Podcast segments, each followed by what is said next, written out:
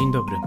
Nazywam się Marcin Bielicki, a to jest kanał Popogadanki. Miejsca, w którym posłuchasz o mikroinnowacjach edukacyjnych, które powstały w ramach Centrum Inkubowania Innowacji Społecznych po pojutrze, a które z Twoją pomocą mogą zmienić oblicze naszej edukacji. Posłuchasz tu o darmowych narzędziach i metodach, które pozwolą uczyć innych i uczyć się przyjemniej i przede wszystkim efektywniej. Serdecznie zapraszam.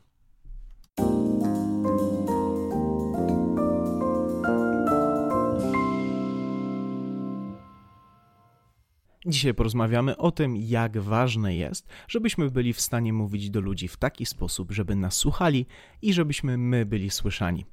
I dzisiaj porozmawiamy sobie o tym, jak to robić bez strachu, bo jak się okazuje, jest to jedna z najczęstszych fobii, jaka występuje w naszym społeczeństwie. Kilka słów o tym, jak możemy mówić bez przygotowania do innych i bez strachu.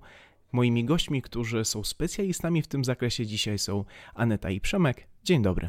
Dzień dobry. Dzień dobry, cześć. Więc wróćmy do tego strachu. Dlaczego ludzie boją się mówić, a w szczególności boją się mówić, gdy ich widownia jest liczna? Myślimy, że może to wynikać z tego, że ludzie nie chcą się y, narazić na śmieszność. Nie chcą się narazić na ocenę publiczną. E, nie są e, do tego może odpowiednio przygotowani, z tego powodu, że każde wypowiedziane słowo może skutkować jakimś negatywnym komentarzem. My się boimy tej negatywnej oceny. E, ona niekoniecznie musi być negatywna od odbiorcy, który nas słucha, bo czasem te negatywne uwagi są po prostu krytyczne, a ta dobra krytyka z kolei powinna w nas budować coś takiego, żeby się poprawić na przyszłość. Więc e, mówienie publiczne jest ważne, ale musimy się też do tego odpowiednio przygotować. Są ku temu narzędzia, oczywiście możemy sobie pozwolić na dozę improwizacji, ale takiej kontrolowanej. Statystyki pokazują, że chociażby w Stanach Zjednoczonych nawet do 75% osób w społeczeństwie boi się mówić, ale dotyczy to przede wszystkim osób dorosłych. Wy, jako nauczyciele, macie doświadczenia z, również z młodszymi uczestnikami naszego społeczeństwa. Chciałem w związku z tym zapytać Was, w którym momencie zaczynamy obserwować to, że nasze dzieciaki przestają chcieć mówić? Zauważamy to właśnie na etapie drugim e, edukacyjnym, czyli w klasach no myślę, że już pod koniec klasy trzeciej, na początku klasy czwartej, faktycznie te maluchy, które przychodzą do szkoły, one właściwie mówiłyby cały czas. I są takie dzieciaki, które opowiadają o wszystkim, co się dzieje, i to jest wspaniałe, y, można ich słuchać naprawdę godzinami. Natomiast jest taki moment, kiedy oni już troszeczkę podrastają, właśnie kiedy zaczynają zauważać, że te ich słowa mają moc i właśnie kiedy wypowiedzą jakieś słowa, mogą one po, pociągać za sobą jakieś no, różnego rodzaju konsekwencje, wtedy wolą się wycofać i wolą właśnie nie brać udziału w takich wystąpieniach, czasem nawet wycofując się na tyle, że faktycznie blokują się na długie, długie lata i dopiero gdzieś w, momencie, kiedy opuszczają na przykład szkołę, zaczynają na nowo się otwierać, ale to, to jest bardzo różnie, naprawdę. Problemem e, jest też to, że w takich już społecznościach małych tworzą się grupki. Jest grupka chłopców, grupka dziewczynek i tam też nikt nie chce przed nikim wypaść źle, ponieważ jest narażony już wtedy na opinię całej klasy.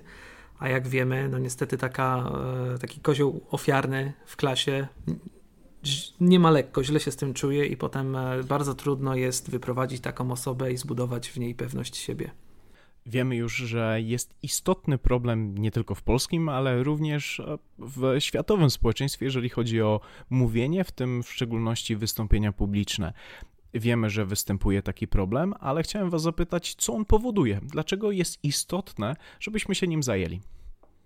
Ten problem, myślę, że ten problem, który dotyczy dzieci i też zauważamy, że dotyczy niektórych nauczycieli, jest to taki kłopot, który y, zauważamy zarówno podczas występów publicznych, jeżeli to są jakieś wystąpienia e, szkolne, jeżeli to są jakieś zebrania, no powoduje to przede wszystkim blokowanie, że człowiek odczuwa ogromny stres, e, no stresuje się, boi się, boi się tych wystąpień, nie chce tych wystąpień i właściwie, jeżeli tylko może, to szuka zaraz jakiegoś zastępstwa, żeby, żeby ktoś inny wyszedł i powiedział choćby te dwa, trzy słowa. I myślę, że ten lęk i właśnie ten strach y, zaczyna paraliżować i on powoduje, że my właściwie przestajemy racjonalnie myśleć nawet, bo tak strasznie boimy się właśnie, że będziemy oceniani albo że powiemy coś niewłaściwego, bo w tym stresie też przychodzą takie momenty, że, że nie wiemy, co mamy powiedzieć czasami po prostu gadamy jakieś głupoty i wtedy dzieje się po prostu już czarna magia.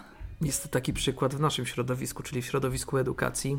Jeżeli jest e, przedstawienie szkolne przygotowywane nawet z jeden czy, czy z klasami starszymi, i nauczyciel odpowiedzialny za to ma tylko za zadanie przygotować te dzieci, powierzyć rolę, mm, zwrócić uwagę na intonację, nauczyć piosenek.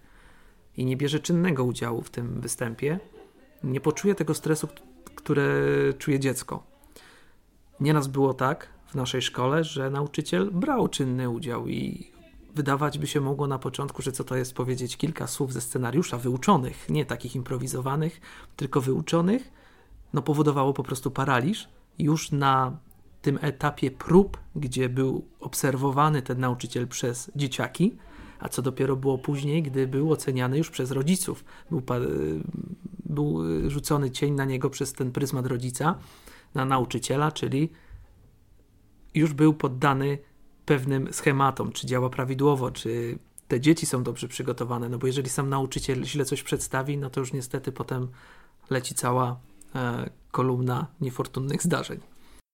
E, wiemy, że ten problem występuje, e, od kiedy występuje, ale chciałem w związku z tym zapytać, kiedy jesteśmy w stanie i czy jesteśmy na każdym etapie w stanie nadal coś z tym zrobić. Dokładnie chodzi mi o to, czy jeżeli mówimy o uczniach szkoły średniej, albo studentach, albo nawet ludziach dorosłych, czy na każdym z tych etapów jesteśmy w stanie jeszcze się tutaj poprawić? Wydaje mi się, że tak.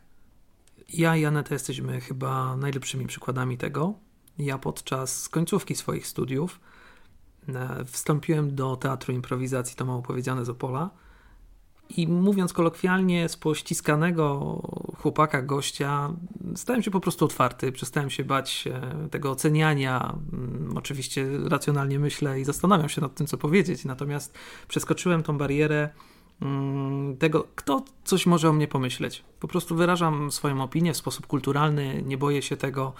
Jest szereg oczywiście ćwiczeń na to. E, podejmując e, tutaj innowacje z Anetą, też ona przeszła bardzo dużo, dużo e, takich warsztatów razem ze mną. I według mnie ona się zmieniła 180 stopni, bo ja to doskonale widzę i wiem, że ona też już to powoli czuje. Ja myślę, że tak. I właśnie myślę, że jestem przykładem, takim żywym, chodzącym przykładem na to, że można to zrobić. Je, nawet jeśli nie bardzo się chce, bo ja faktycznie był taki moment, że ja, kiedy tutaj już zaczynaliśmy pracę nad innowacją, to ja się wzbraniałam bardzo właśnie przed nagrywaniem, przed pokazywaniem swojego wizerunku i powiedziałam, że tak, ja wszystko zrobię, ja wszystko narysuję, wszystko przygotuję, żeby tylko nie trzeba było robić nic co ludzie zobaczą, tak? I bałam się właśnie tego, tej śmieszności, tej na, bałam się narazić na to, że ludzie będą mnie oceniać i będą wystawiali y, na, na, mój, na mój temat jakieś opinie. I myślę, że tak jak mówię, nawet jeśli się za bardzo nie chce, a gdzieś w okolicy jest ktoś, kto pociągnie nas do tego, no to naprawdę można to zrobić. I jest to doskonałe, ponieważ to się przekłada na całe życie później gdzieś widzę po sobie, że mm, nawet jak jestem gdzieś, czy w restauracji, czy jestem gdzieś w sklepie, to, to nie mam tego problemu, żeby właśnie, czy mm, porozmawiać z kimś obcym, tak, czy zapytać. Czasami tak było, że jak byłam troszeczkę młodsza, że bałam się na przykład zapytać o godzinę, bo nie miałam zegarka, że paraliżowało mnie nawet do tego stopnia, tak, mimo że to była jakaś mniejsza grupa. Już nie mówię o tym, że, że wystąpienia publiczne to w ogóle najlepiej, najlepiej nie za bardzo, żeby mnie gdzieś tam pchać w tę stronę, a tutaj improwizacja pomogła mi właśnie w tym kierunku się rozwinąć i zupełnie inaczej funkcjonuję, zupełnie inaczej y, też podchodzę do, do wielu tematów, jestem bardziej otwarta i myślę, że to właśnie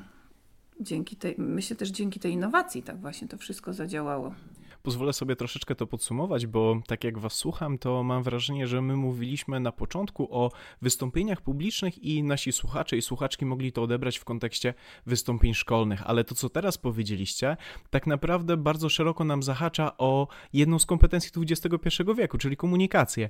I tutaj możemy patrzeć zarówno na mówienie do setki czy tysiąca ludzi, a w dzisiejszej dobie internetu i YouTube'a to pewnie nawet milionów, ale także e, jeżeli stajemy twarzą w twarz z kimś i nie boimy się tego, że ta osoba nas oceni, więc na dobrą sprawę e, tak naprawdę dotyczy to całego naszego życia, bez względu na to, czy w przyszłości będziemy rozmawiali z szefem o podwyżkę, czy będziemy błyszczeli w towarzystwie podczas imprezy, czy będziemy występowali na jakiejś konferencji. Czy dobrze to rozumiem?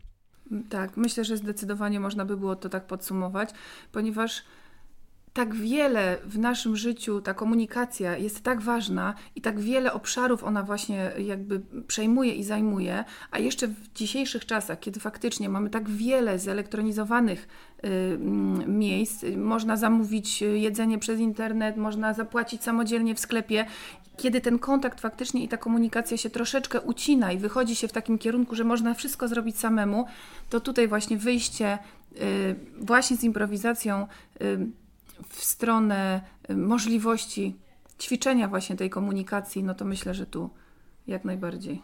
Ogromna, ogromnie ważna sfera to jest ta właśnie sfera relacji, bo niestety zatracamy to, mamy coraz mniej umiejętności budowania relacji z drugim człowiekiem, no co skutkuje niestety mijaniem się na korytarzu, chodzenie ze smutną miną e, na dworze. Możemy się przyjrzeć, to jest prosty eksperyment gdy podróżujemy komunikacją miejską, gdy wejdziemy do sklepu i widzimy pojedyncze jednostki, to rzadko ja widzę uśmiech na tych twarzach. Bardzo rzadko. Tam, gdzie już jest grupa osób, czy dwie osoby, no to jeżeli jeszcze się tam o czymś rozmawia, to jest ok. Ale coraz częściej to, co ja widzę, jak idzie dwoje ludzi albo e, jakaś mała grupka, no to w większości w rękach są urządzenia elektroniczne, a rozmowy brak. Więc nad tą relacją trzeba cały czas pracować to trzymając się tego tematu pracy, mamy w naszej edukacji wiele wyzwań, których można się podjąć. Stąd moje pytanie, dlaczego wy zdecydowaliście się akurat na ten konkretny problem? Jesteśmy nauczycielami, również jesteśmy wychowawcami i zauważyliśmy właśnie, że kiedy prowadzimy lekcje wychowawcze z uczniami, jest całe mnóstwo różnych y, konspektów, scenariuszy przygotowanych właśnie na lekcje wychowawcze. One dotyczą różnych tematów, właśnie relacji, zdrowia, y, możliwości radzenia sobie ze stresem. Natomiast kiedy już tak liznęliśmy y, tego tematu improwizacji, zauważyliśmy, że nigdzie nie ma tej możliwości właśnie wykorzystania improwizacji w szkole. Właśnie cały czas spotykaliśmy się z tym, że improwizacja to jest ściemnianie i że to jest właściwie tylko takie lanie wody. Natomiast faktycznie jest to temat, którego można się nauczyć. Jest całe mnóstwo i coraz więcej powstaje teatrów improwizacji. Tak jak Przemek wspomniał, on sam należy do takiego teatru i można się tego nauczyć, można to sobie przyswoić, trzeba tylko ćwiczyć i chcieć ćwiczyć. I uznaliśmy, że skoro nie ma tych możliwości, no to że my postaramy się je stworzyć i postaramy się stworzyć je właśnie dla nauczycieli wychowawców, którzy mogliby wykorzystać, najpierw sami się nauczyć, a potem wykorzystać te umiejętności i kompetencje właśnie w szkole, na uczniach, żeby pomóc im rozwijać y, te kompetencje to w takim razie już zahaczyłaś o rozwiązanie, które macie dla nauczycieli improwizacja. Więc przejdźmy do tego, co dla nich stworzyliście. W kilku zdaniach, jakbyście mogli opowiedzieć, słuchając naszego podcastu, nauczyciel czy nauczycielka mógłby, czy mogłaby chcieć coś zrobić z komunikacją, z tymi kompetencjami jej czy jego uczniów. W jaki sposób mogą z tym pracować, korzystając z tego, co wy zrobiliście? Stworzyliśmy innowację o nazwie Improświęta i tak naprawdę ona dotyczy wybranych świąt podczas trwania roku szkolnego, e, podczas kalendarza, tak jak planujemy sobie to, ponieważ tak jak Aneta wcześniej wspomniała, jest dużo e, scenariuszy, dużo konspektów na różne lekcje wychowawcze i może nawet są konspekty na Dzień Nauczyciela, e, Dzień Bałwana, czy, czy cokolwiek sobie tam wynajdziemy. I stworzyliśmy takie scenariusze z wykorzystaniem technik improwizacji. Te techniki opierają się głównie na relacji, na budowaniu tych relacji ze sobą, na otwieraniu się na drugiego człowieka, na e, zwiększaniu komfortu, komfortu własnej osoby, po to, żeby właśnie e, żyć swobodniej, żeby nie, nie bać się mówić. E, o tyle są one elastyczne, te scenariusze, że można je podpasować pod każde święto, które byśmy chcieli, ponieważ, tak mówiąc, w pigułce każdy scenariusz ma w sobie zasoby i scenariusze, co po kolei trzeba robić, i filmy instruktażowe przez nas nagrane, jak to ćwiczenie powinno wyglądać, a także modyfikacje, które możemy do nich wprowadzić. Czy jest konieczne w takim razie, żebyśmy te scenariusze realizowali podczas świąt, czy można sobie po prostu wybrać? Dzisiaj chciałbym poćwiczyć improwizację. Wezmę sobie jakieś z Waszych narzędzi i spróbuję. Zdecydowanie. Myślę, że można by było wykorzystać tak naprawdę, gdybyśmy się mocno przygotowali, można by było wykorzystać je na każdej lekcji, ale właśnie, ponieważ uznaliśmy, że to właśnie wychowawca ma ogromną trudność, ponieważ na lekcjach, kiedy prowadzimy zajęcia z języka polskiego, matematyki, ten materiał leci, musimy go realizować i jakby tam nie mamy czasu, żeby móc się jeszcze trochę pobawić, a te lekcje wychowawcze często y, są trudne do zagospodarowania faktycznie i jeśli jest trudna grupa, albo właśnie taka grupa, która za bardzo nie chce ze sobą współgrać, albo nie chce właśnie tych relacji budować, improwizacja pozwala im w taki często abstrakcyjny zupełnie sposób używania, używając czasem wymyślonych słów, pozwala grupie się rozluźnić i właśnie te relacje zaczynają się budować nawet mimochodem. Gdzieś niespecjalnie dzieciaki muszą wiedzieć o tym, że one właśnie dokładnie dzisiaj to robią, a, a to gdzieś tam wychodzi po prostu przy okazji. Także myślę, że te scenariusze są, tak jak mówi Przemek, są na tyle elastyczne i na tyle są przygotowane modyfikacje tych różnych ćwiczeń, że można by było na każdej lekcji y, wykorzystać sobie to pod, pod dowolny temat. Nawet teraz, nawet teraz byśmy mogli stworzyć sobie takie krótkie ćwiczenie. Możemy poprosić Marcina, żeby wymyślił nam bohatera. Może to być postać fikcyjna, może to być przedmiot, po prostu coś rzuć. To dla naszych słuchaczy tylko dodam, że to jest absolutnie improwizowane i nie miałem pojęcia, że o coś takiego mnie poproszą. Dobrze, e, bohaterem niech będzie Reksio. Bohaterem będzie Reksio, a wymyślimy, co z tym Reksiem jest nie tak. Hmm. Powiedzmy, że Reksio zjadł za dużo pierogów i boli go brzuszek. No właśnie, Reksio, e, Reksio, który zjadł za dużo pierogów i boli go brzuszek. I Marcina też wciągniemy w tę zabawę. O nie. Spróbujemy sobie opowiedzieć historię po jednym słowie, tak? Mamy jedno słowo i pojedziemy sobie w kółeczko. Ja może zacznę. Pewnego słonecznego dnia Reksio zjadł za dużo pierogów. Kiedy zorientował się, że pierogi były zepsute, wystraszył się, ale jego opiekun sprawił, że poczuł się dużo pewniej i dał upust swoim emocjom. Dlatego już Reksio czuje się znacznie lepiej. I tak stworzyliśmy prostą historię, tak? I z uczniami też to jest taki fajny moment na to, że mm, no może nie koniecznie w całej klasie, ale tam, gdzie mamy troszeczkę mniej osób, bardzo ważne jest tutaj słuchanie, tak? Jeden drugiego musi dobrze słuchać, żeby ta historia szła cały czas do przodu.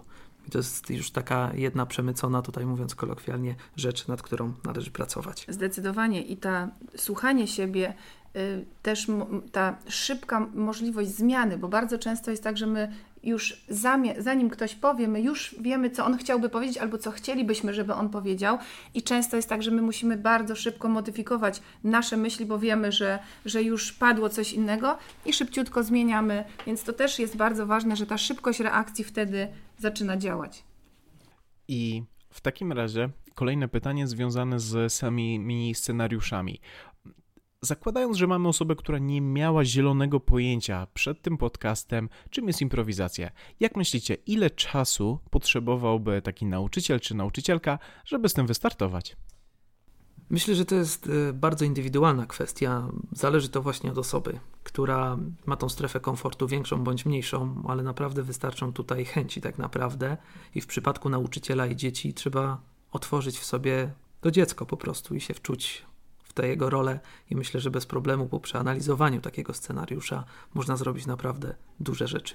Zdecydowanie. Myślę, że tutaj też przykładem może być to, kiedy my w szkole mamy warsztaty mm, z nauczycielami i występuje z nami dyrekcja, to zawsze po warsztatach, kiedy wchodzimy, nauczyciele właśnie mm, jakby dyskutują i zawsze podkreślają, że wspaniale, że dyrekcja razem z nami występuje, że nie ma tej bariery, która gdzieś tam naturalnie czasem się wytwarza jako, jako wiadomo, pracodawca i jako my, jako pracownicy, więc to gdzieś znika. I zachęcamy do tego, żeby y, nauczyciele, jeśli tylko mają chociaż troszkę tej takiej możliwości, żeby pozwolić sobie na to, żeby być razem z uczniami i żeby ćwiczyć razem z nimi, y, to właśnie, żeby spróbować to zrobić, bo dzieci są bardzo wdzięczne i one widzą, kiedy nauczyciel tylko wykorzysta scenariusz, bo on może to tak zrobić, on może wziąć scenariusz, puścić film instruktażowy, na którym my występujemy, pokazać, jak to wygląda i dzieci mogą ćwiczyć, a nauczyciel może siedzieć z boku, bo tak też jest to przygotowane.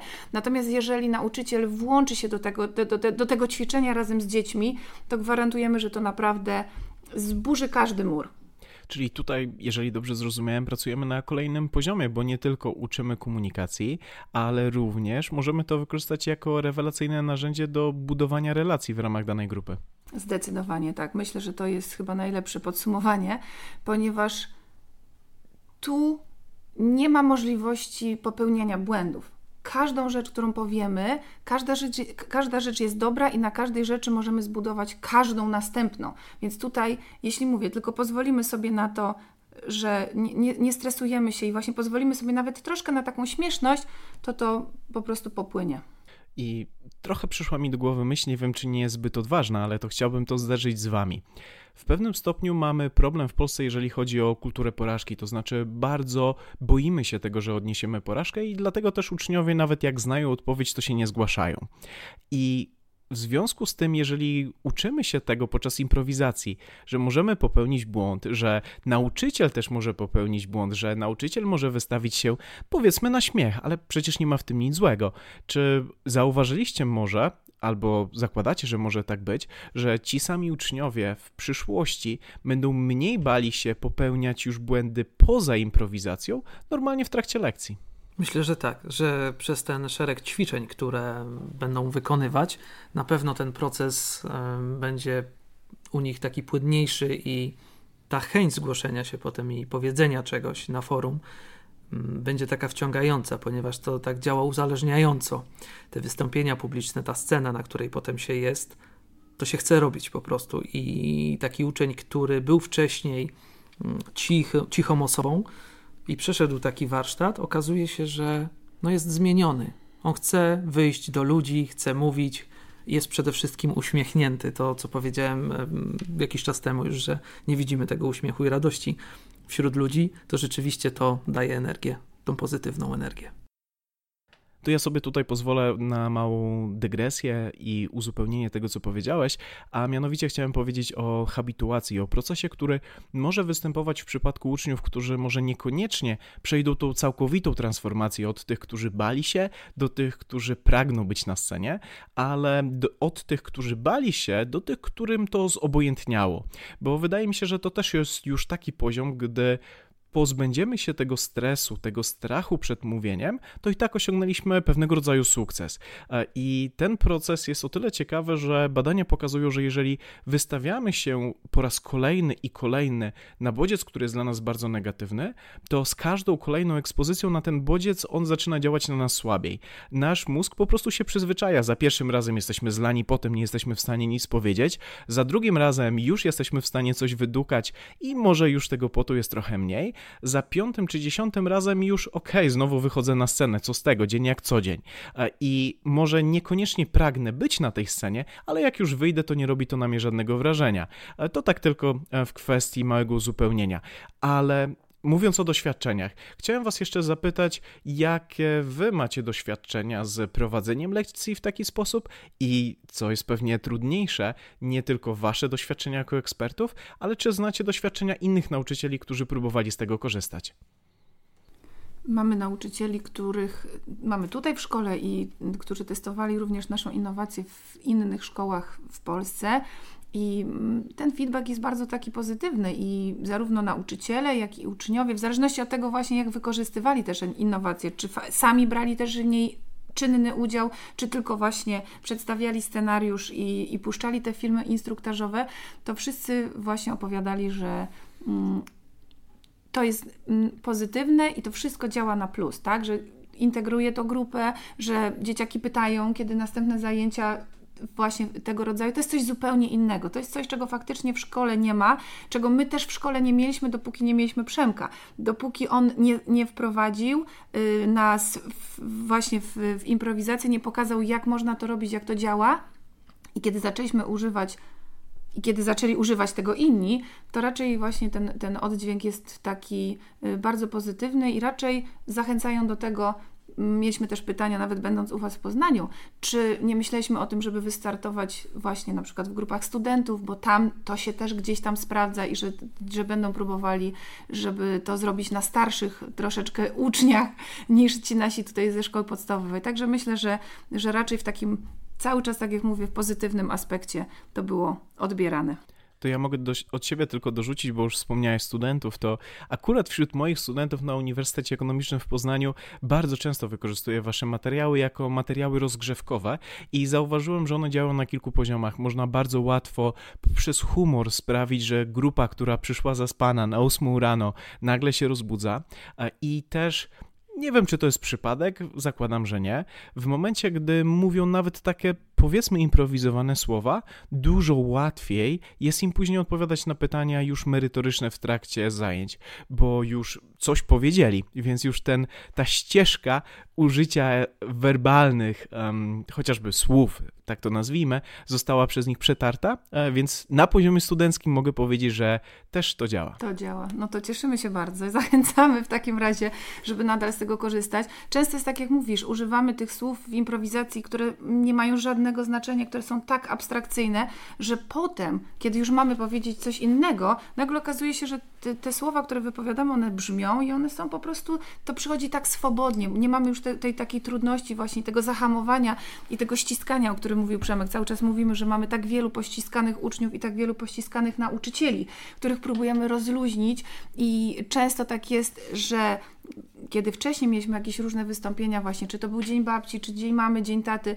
to było tak, że koleżanki przychodziły i mówiły, to ty idź powiedz, to ty wyjdziesz, to ty zapowiesz, a w tej chwili już nie. Już ja widzę, że musimy rywalizować trochę między sobą, że teraz ona też chciałaby powiedzieć, tak? Nawet zażartować, że ta, ta, ten taki właśnie ta lekkość już w wyjściu i w tym, nawet jeśli będą się śmiali, to dobrze, ja pokieruję, żeby oni się śmiali i oni będą się śmiali z tego, z czego ja chcę, żeby oni się śmiali, a nie ze mnie.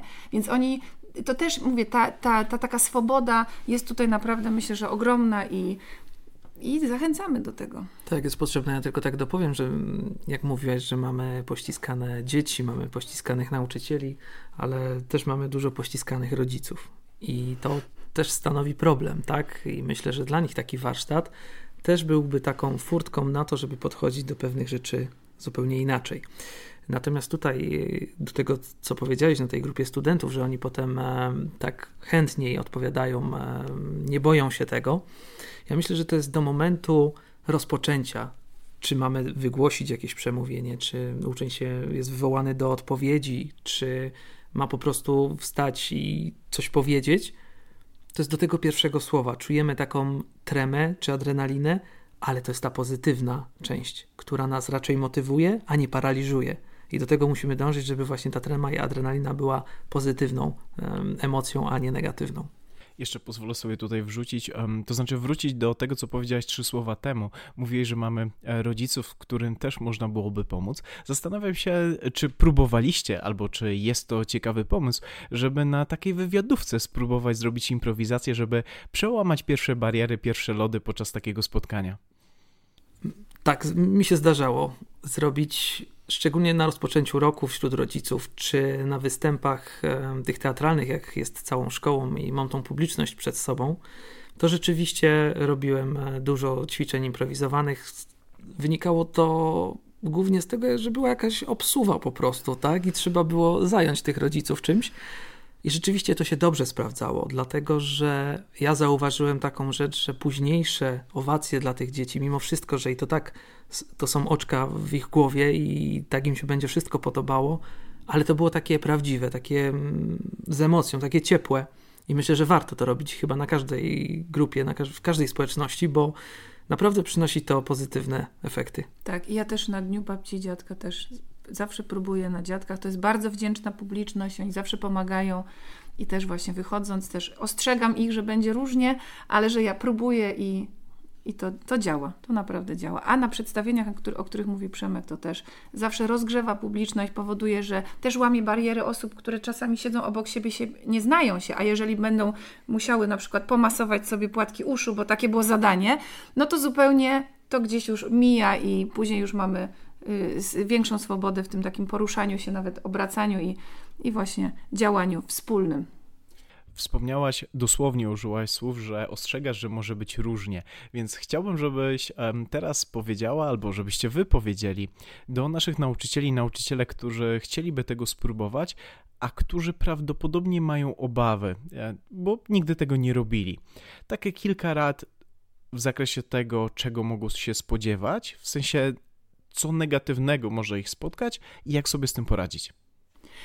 Myślę, że tak jak mówił Przemek, każdy z nas jest inny i jeżeli nauczyciel nie czuje, na przykład, bo my przygotowując innowacje byliśmy bardzo optymistycznie nastawieni, że każdy wyjdzie z takim samym założeniem dokładnie jak my, czyli że my przygotujemy i każdy to weźmie tak, jak my chcemy, żeby on to wziął i że w ogóle wszystko pójdzie super, ale potem zaczęliśmy analizować, ponieważ w naszej innowacji oprócz tego, że mamy przygotowane scenariusze, mamy również prezentację multimedialną, którą można wykorzystać, są karty pracy do rysunku kreatywnego oraz do, do linie melodyczne, do ćwiczeń takich muzycznych. I zdajemy sobie sprawę z tego, że są nauczyciele, którzy ani nie rysują, albo na przykład nie za bardzo muzycznie się też czują i też oni też są wychowawcami, oni też prowadzą zajęcia i myślę, że jeżeli napotkaliby na, na ten problem, no my staraliśmy się rozwiązać wszystkie te problemy, więc jakby ciężko mi nawet powiedzieć, że tu jakiś, na jakiś problem można napotkać, bo wydaje mi się, że ich nie ma